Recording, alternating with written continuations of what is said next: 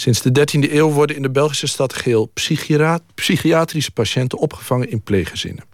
Een unieke vorm van verpleging in een vrijplaats met internationale allure.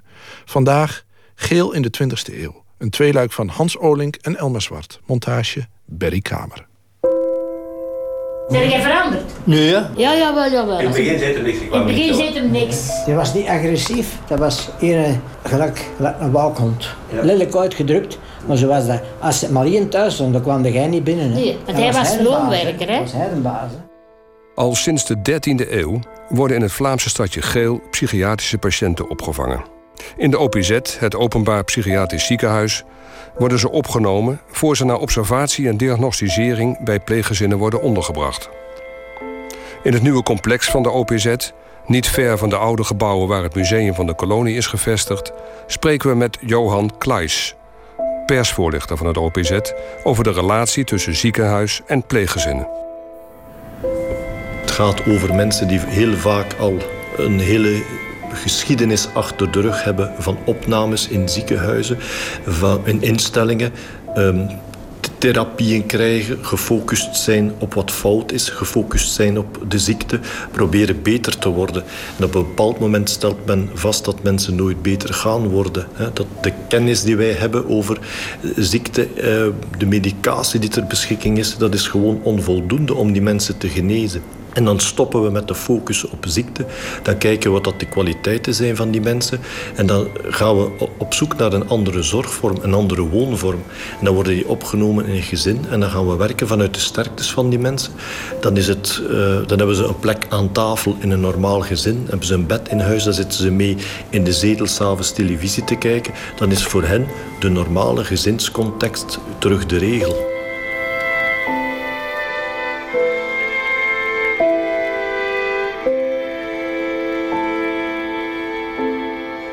Als we vragen of er wel eens sprake was van agressiviteit onder de patiënten, een voor de hand liggende gedachte denken wij, zeker in de tijd dat er nog niet afdoende medicatie was, raakt Kleis enigszins geïrriteerd.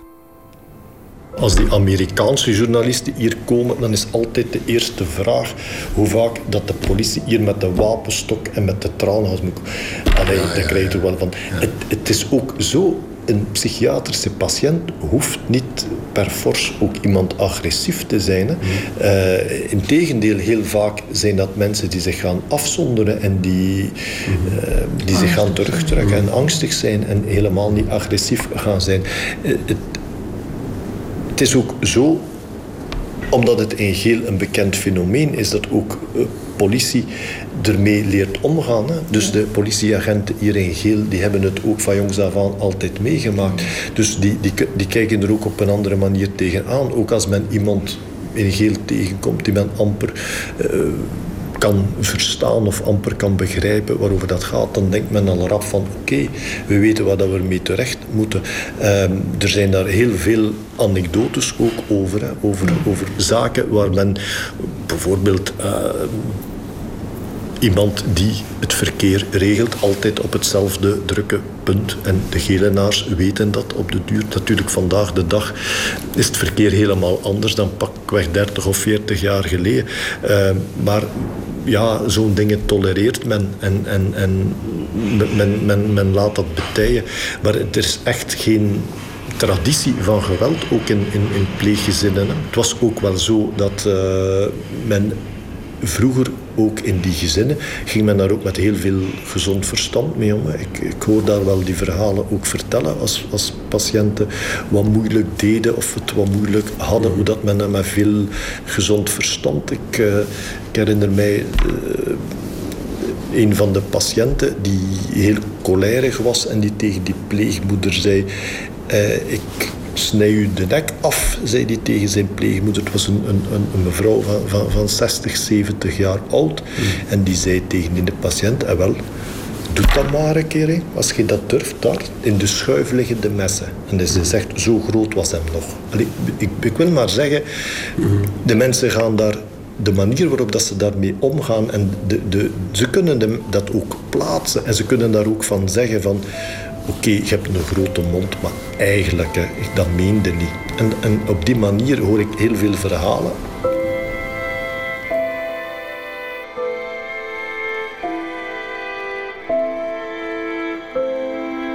In de 20e eeuw, waarin we inmiddels zijn beland, kende Geel zijn hoogtijdagen.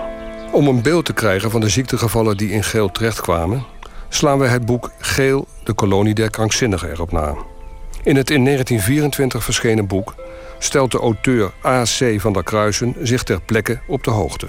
Ik trad een koffiehuis binnen en trof er een jonge heer aan van bijzonder lief uitzicht.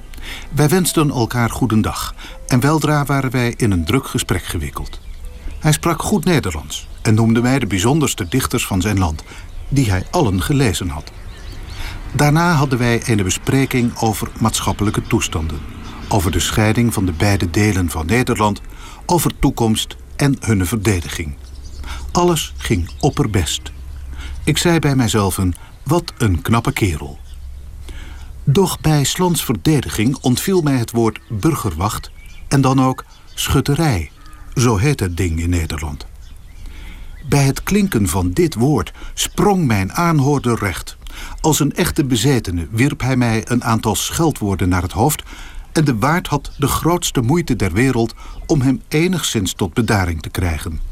Zonder het te willen of te weten had ik hem geraakt.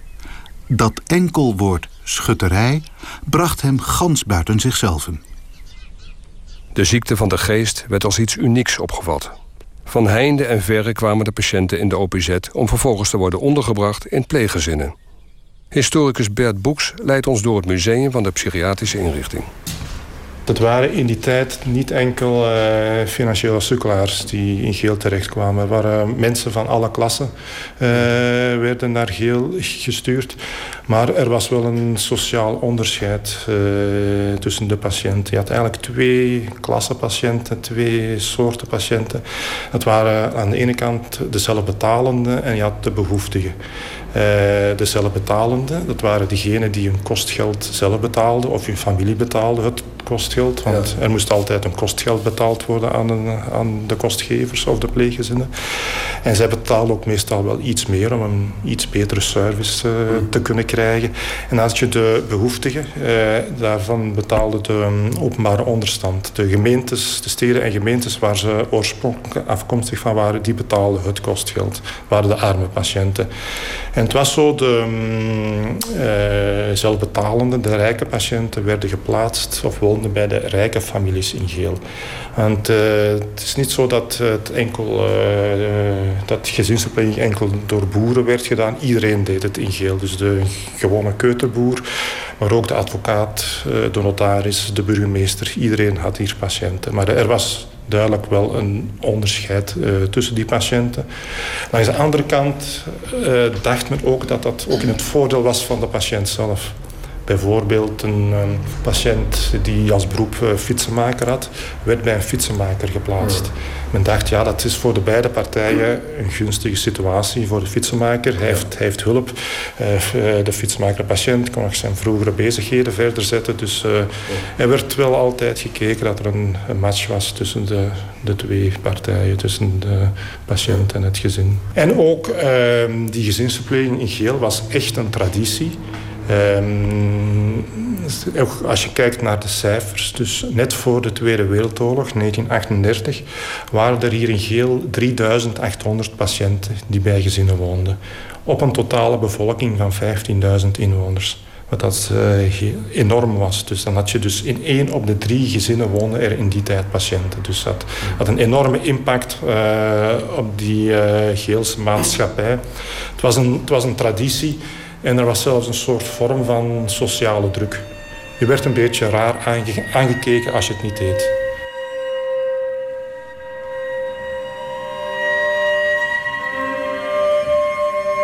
Tijdens de voorbereidingen lazen we dat patiënten uit alle delen van de wereld in geel terechtkwamen.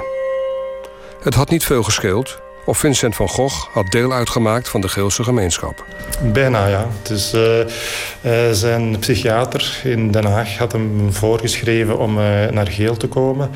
Maar Vincent heeft dat woedend afgewezen. heeft gezegd van ik ga niet naar een zottengesticht.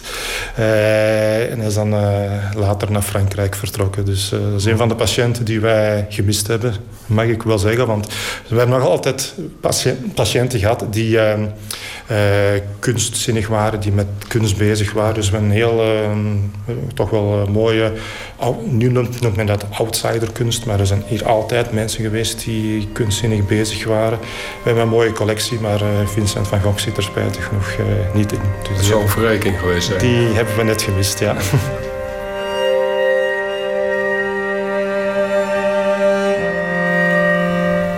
zie daar een hoek. Ja. Afdeling Nederlanders in geel. Dat klopt, ja. Dus in die periode dat er hier eh, zoveel patiënten waren, uh, op die 3800 patiënten was er een grote groep van 800 Nederlanders. Ook voor 1850, dus de cultus, de bedevaarten van de, de heilige Dimfna waren bekend uh, tot in Noord-Brabant, uh, Sertogenbos en zo verder. Dus Dimfna was een bekende heilige in Nederland. Dus er kwamen ook Nederlandse pelgrims. Dus uh, het systeem was bekend.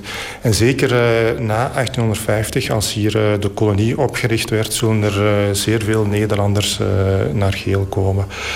Um, die Nederlanders die waren echt wel een heel, een heel specifieke, aparte groep. Dus je had Nederlanders uit het zuidelijk deel van Nederland, je had katholieken, maar je had ook een redelijk grote groep protestanten mm. uit het noordelijk deel van Nederland. En die Nederlanders die hadden hier hun, eigen vereniging, hun, eigen club. Um, een vereniging met uh, wel mooie naam, vind ik. Uh, de vereniging in het belang van de leidende Nederlanders verpleegde geel. Dus het was een eigen sociale vereniging die activiteiten organiseerde voor de Nederlanders.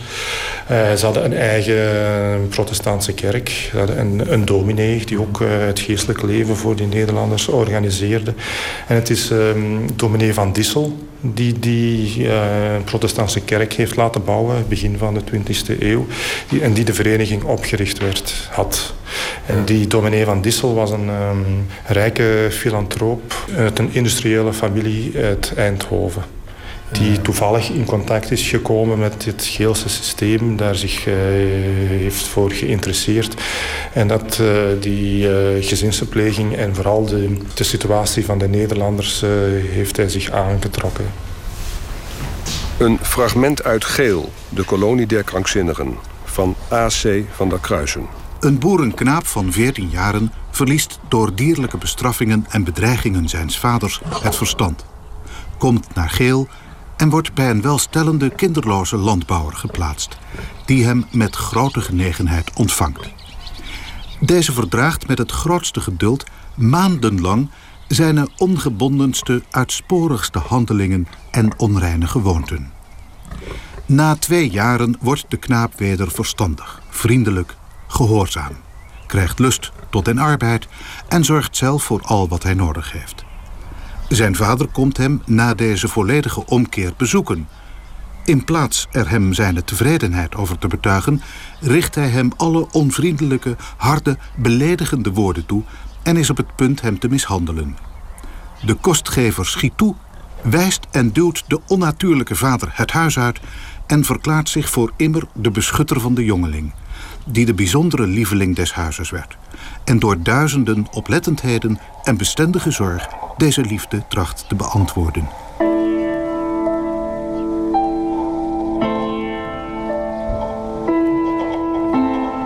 We vragen ons af welke invloed de twee wereldoorlogen hebben gehad op Geel en haar patiënten. Bert Boeks heeft er een deel van zijn museum aan gewijd.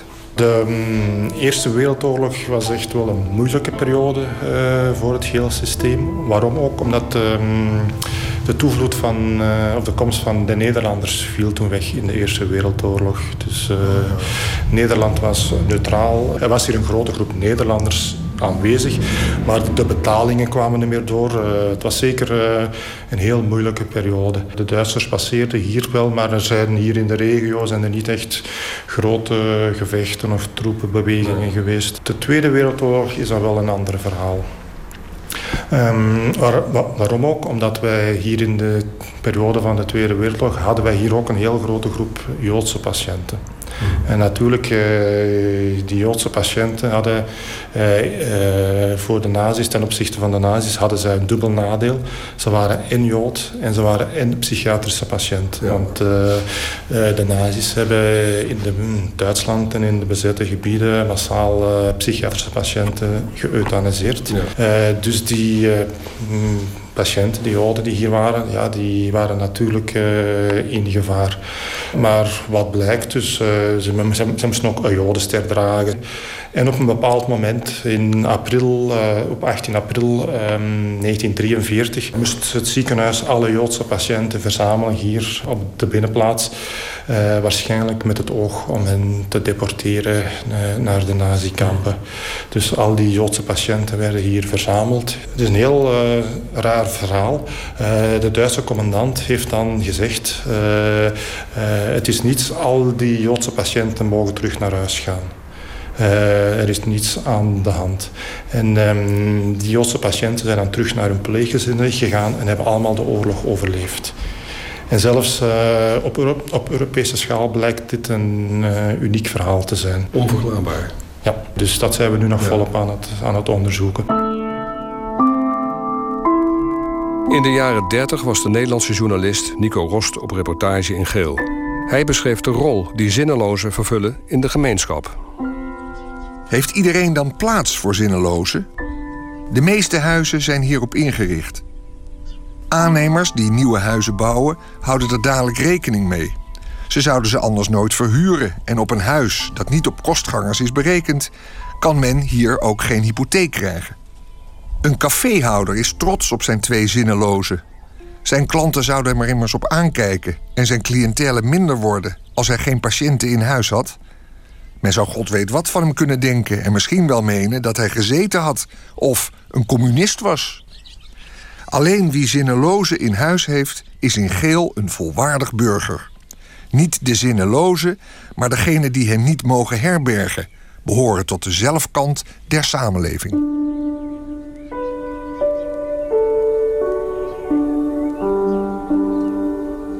Een fragment uit Geel, de kolonie der krankzinnigen.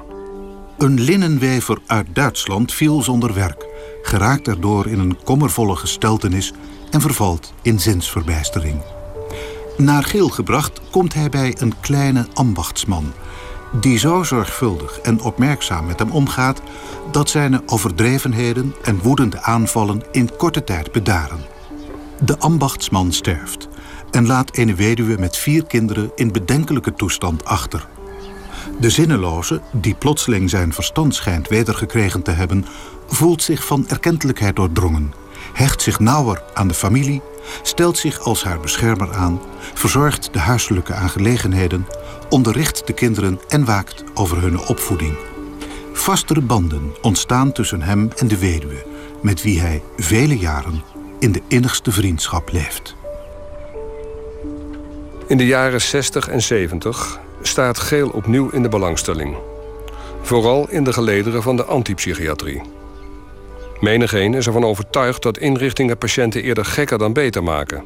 En trouwens, wat is gek? Wat is abnormaal in een samenleving die zoveel gekken voortbrengt? De antropoloog Eugène Roosens doet onderzoek naar de sociale relaties tussen groepen mensen. Zo ook in Geel. Radio Vrij België doet er verslag van. Vroeger was het zeker zo. Uh, dat loopt als rode draad door de hele geschiedenis van Geel. Uh, het waren overwegend landbouwersgezinnen vroeger. Een patiënt in dat gezin was iemand, een goede patiënt, zoals men die noemt. Men heeft goede en minder goede. En het goed is eigenlijk, bedoelt me mee, dat die nogal rustig is en dat die economisch rendabel is. Dat is zo. Mensen werkten mee, waren goedkope uh, handarbeiders. Dat is nu met de urbanisatie van Geel wat minder het geval geworden. Hoewel het toch nog altijd 260 of zo, 230, ik weet het niet precies, uh, landbouwers zijn in Geel. Wel, er zijn ook semi landbouwarbeiders. Uh, in die zin dat, dat sommigen in de fabriek gaan werken. En dan uh, nog, nog een heel stuk tuin erbij nemen of een stuk veld. Hè, en dan kan die patiënt ook nog mee. En dat is ook gunstig, want de patiënt werkt ondertussen. Die man heeft een rol in de maatschappij. Die is geïntegreerd in het arbeidsproces ook. En de meeste kostgevers die geen landbouwer mee zijn, en dat zijn er toch heel wat, hè, hebben daar die belangen niet meer bij. En hun dagvergoeding die ze krijgen ligt niet hoog. Hè. Helemaal niet. Men zou die gerust mogen verdubbelen. Uh, mensen komen er bijna niet meer aan uit. Hè? Want zij moeten vlees kopen voor, voor... Ze hebben geen eigen gewin meer. En toch blijven ze doen. Uh, wat mij laat besluiten, en ik heb daar heel wat gegevens eh, in het boek rond verzameld rond dat thema. De, waarom men het eigenlijk doet wanneer men ermee begint, wanneer men ermee start, is duidelijk een economische motivatie. Het brengt wat op. Het is een spaarcent opzij. Men doet, men doet uh, een, een zaak aan, is het woord niet, maar het is economisch rendabel. Zij het op laag niveau. Hè. Maar daar zit ook bij, eens dat men de patiënt een tijd heeft, doet men hem niet gemakkelijk weg. Zodanig dat er nu een hele reeks mensen in geheel zijn, kostgevers die aan hun patiënt geen cent overhouden of bijna niks overhouden en hem toch behouden. En daar vind je dan toch wel een stuk structurele menselijkheid in terug een structurele naastenliefde, zou ik zeggen, ingebouwd. Zonder dat dat met bijnamen wordt genoemd. Men heeft hem nu eenmaal, hij is een stuk van de familie geworden. Betekent helemaal niet dat hij een zoon van de uizen is. Dat, hij is nooit perfect geïntegreerd. Maar, maar kom, men kan het niet over zijn hart krijgen om die man of die vrouw weg te sturen. Dat zou ook te pijnlijk zijn voor de betrokkenen. En dan draait toch het systeem eigenlijk de facto op een zeer gering winstje. Hè? En dus er is meer in het spel te geel dan geld alleen.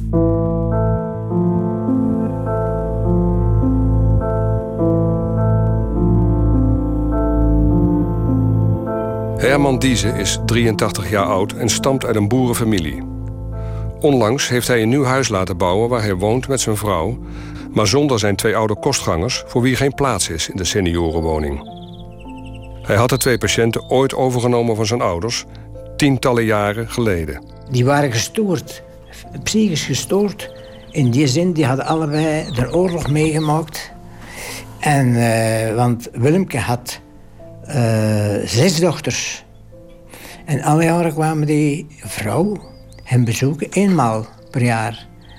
En dan moesten wij zorgen dat hij werk had, dat hij niet thuis was, rond het huis. Want zij was er zo bang van, had er ooit veel slaag van gehad, zegt ze.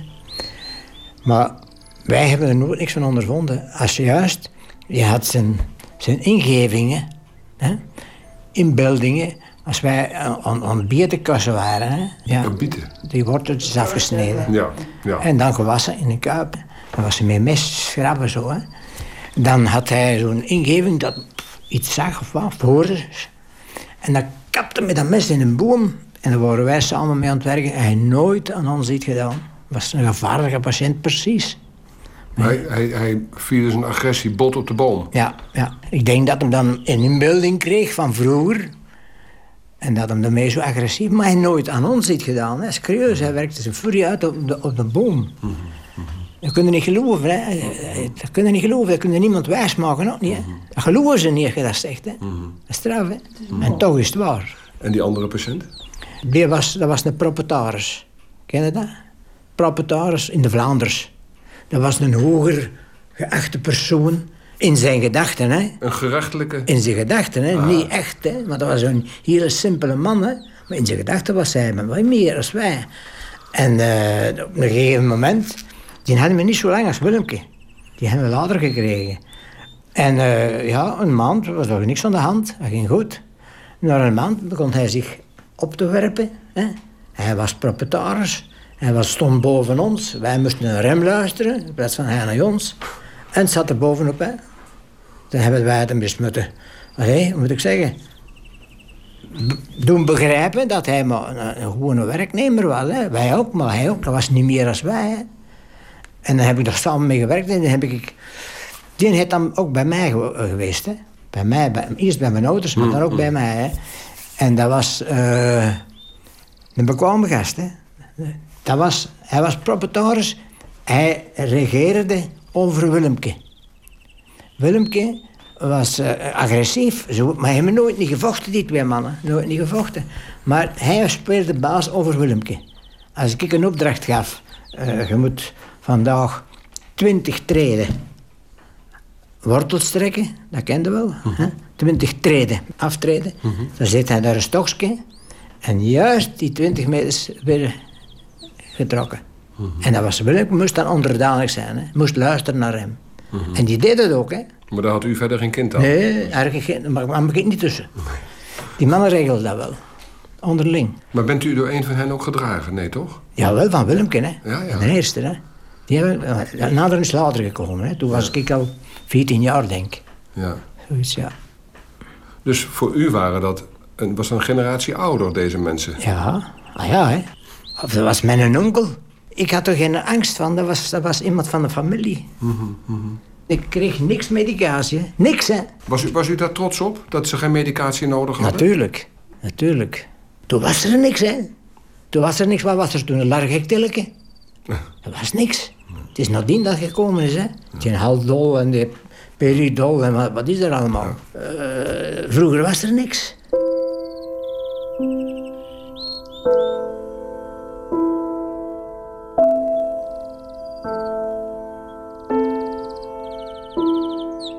Herman Diezen kreeg nooit een diagnose van de OPZ. Hij stelde zijn eigen diagnose. Als de patiënt slaat door, heeft een regelmatig kuren, is bazig. Of als de patiënt koppig is, zegt hij dat hij doet aan ezelarij. Over normaal of abnormaal spreekt hij niet. Dat is geen relevante categorie.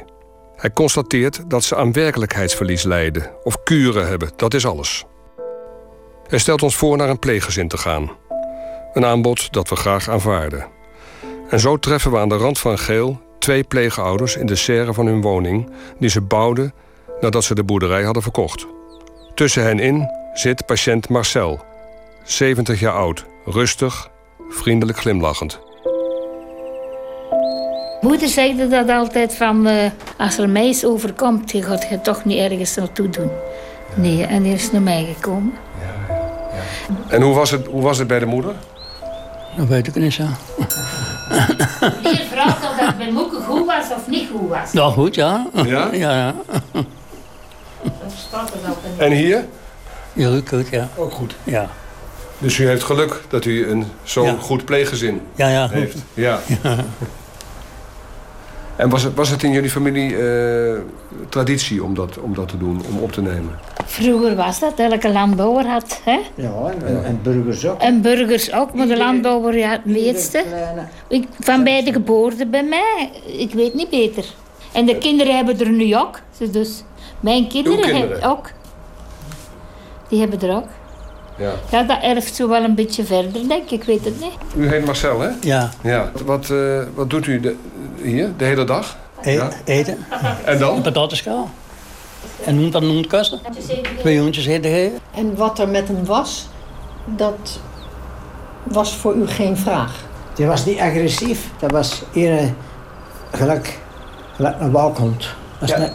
lelijk uitgedrukt. Maar zo was dat. Als Marien thuis stond, dan kwam jij niet binnen. Hè. Nee, bij mij op de boerderij kwam. Want hij was loonwerker, hè. was hij de baas. Hè. En dan konden we, de boeren moesten een rol plastic komen halen of een zak zaad. We het niet meegeven. Marcel is heel lang bij jullie. Is hij nou in de loop van de jaren veranderd? Ben ik ouder geworden, zeg. Wat? Zijn jij veranderd? Nee, ja. Ja, jawel, jawel. In het begin zit er niks. Ik In het er begin niks zit hem niks. kwam er niks aan wat. En, en, Dat, je moet daar een tijd een beetje mee bezig zijn dat je hem doet, gewoon aan de praat kunt Dat is krijgen. een kwestie van vertrouwen ja, dus eigenlijk. Ja, ja. Vindt u het niet jammer dat zo'n systeem een beetje Ja. in, in moeilijk vaarwater komt? Het sterft een beetje uit, hè? Toch? Vergeleken bij... ook, Bij de jongste dochter, die man is er niet onder groot gebracht. De dochter wel, maar dat klikt niet. Dat is altijd voor een- jaar of een half jaar en dat, dat klikt niet. Ik denk binnen tien jaar zouden er dan nog jonge mensen er nog aannemen, denk jij er het niet? is, het is stilletjes aan het aftakelen. hè. Ja. Het is zo'n mooi, mooi systeem. Ja, ja, maar eh, ik, ik heb het gezegd, de oorzaken, hè, dat is, hè, dat is juist de patiënt, de juiste patiënt niet meer vinden, voor de gezinnen. Weinig pleeggezinnen, omdat het slecht vergoed wordt. Eh, twee, met twee gaan werken, dat is ook een oorzaak. Vroeger was de vrouw altijd thuis. Dat zijn toch hè, die meebepalen, hè, de achteruitgang. hè. Hoe lang blijft u nog hier wonen? Niet waar? Dat weet ik niet. Dat weet ik niet. Wanneer gaat er verhuizen? Zo. Moet meer, hè? Nee meer, nee meer. En maar één keer verhuisd is genoeg, hè? Ja, één keer verhuisd, ja.